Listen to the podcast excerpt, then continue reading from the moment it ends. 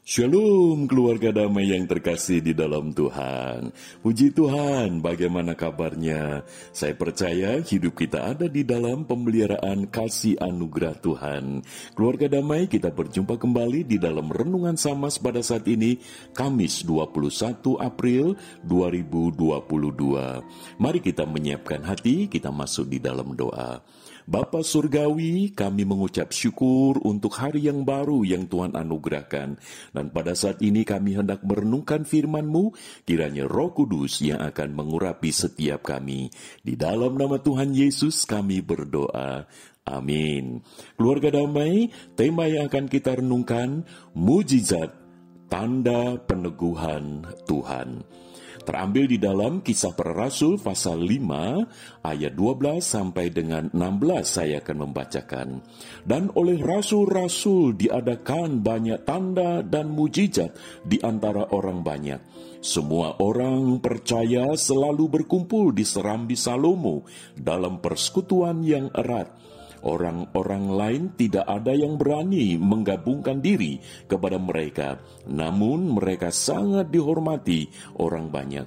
Dan makin lama, makin bertambahlah jumlah orang yang percaya kepada Tuhan, baik laki-laki maupun perempuan Bahkan mereka membawa orang-orang sakit keluar ke jalan raya dan membaringkannya di atas balai-balai dan tilam, supaya apabila Petrus lewat, setidak-tidaknya bayangannya mengenai salah seorang dari mereka.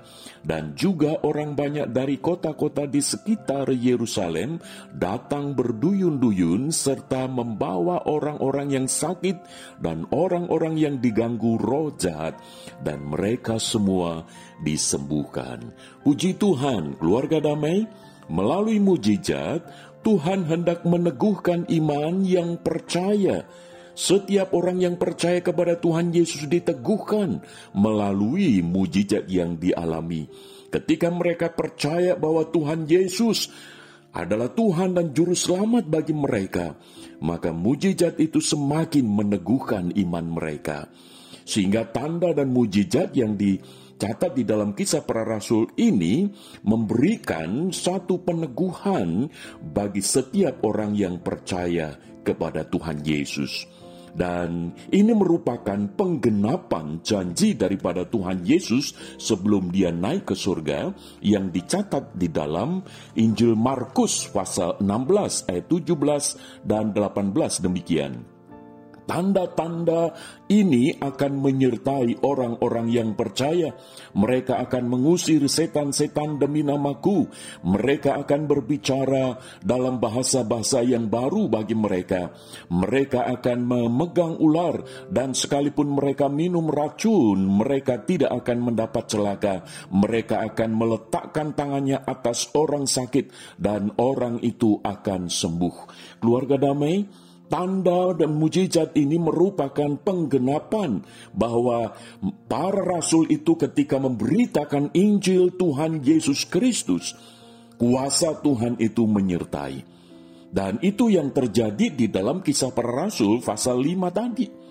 Bahwa ketika mereka percaya kepada Tuhan Yesus, mereka mengalami berbagai macam mujizat itu Jumlah mereka ditambahkan oleh Tuhan Yesus. Di dalam ayat yang ke-14 jelas di sana dan makin lama makin bertambahlah jumlah orang yang percaya kepada Tuhan, baik laki-laki maupun perempuan. Jadi yang bekerja di sini bukan para rasul, karena rasul-rasul itu hebat, bukan, tetapi karena Tuhan Yesus di dalam anugerah Allah Roh Kudus yang menyertai mereka mujizat itu terjadi dan mujizat itu tanda peneguhan daripada Tuhan.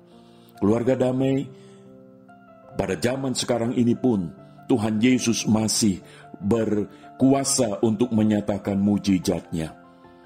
Saya pernah mengalami satu pelayanan, saudara, beberapa tahun silam di sebuah gereja yang saya layani dan pada saat itu ada seorang yang datang dan dia menyatakan bahwa ada satu kekuatan yang sangat mengerikan yang dialami di mana orang itu mengalami ketakutan kalau sewaktu-waktu aku mati nanti ke mana. Walaupun dia seorang Kristen, saudara. Tetapi ada kuasa yang mencoba untuk menyeret orang itu untuk mengalami satu kesadaran bahwa nanti ini aku akan binasa. Karena rupa-rupanya orang itu memiliki jimat-jimat. Karena dulu dia pernah pergi ke dukun. Dia pernah meminta kepada orang-orang pinter. Jadi jimatnya bukan hanya satu dua, saudara. Ada beberapa. Sehingga ketika dia mengalami ketakutan demi ketakutan tiap malam, saudara, ini mengganggu di dalam kehidupannya. Maka saudaranya itu menyadarkan bahwa kamu harus datang kepada Tuhan Yesus, kamu harus sungguh-sungguh dilepaskan. Maka pada saat itu ketika kami bersama-sama, puji Tuhan, ketika kami mendoakan, Mujizat itu dinyatakan di mana orang ini dilepaskan dari kuasa belenggu kegelapan, roh kegelapan yang mengganggu orang ini. Puji Tuhan dan orang itu sungguh percaya. Mujizat itu dinyatakan dan orang ini sampai sekarang masih setia di dalam pelayanan.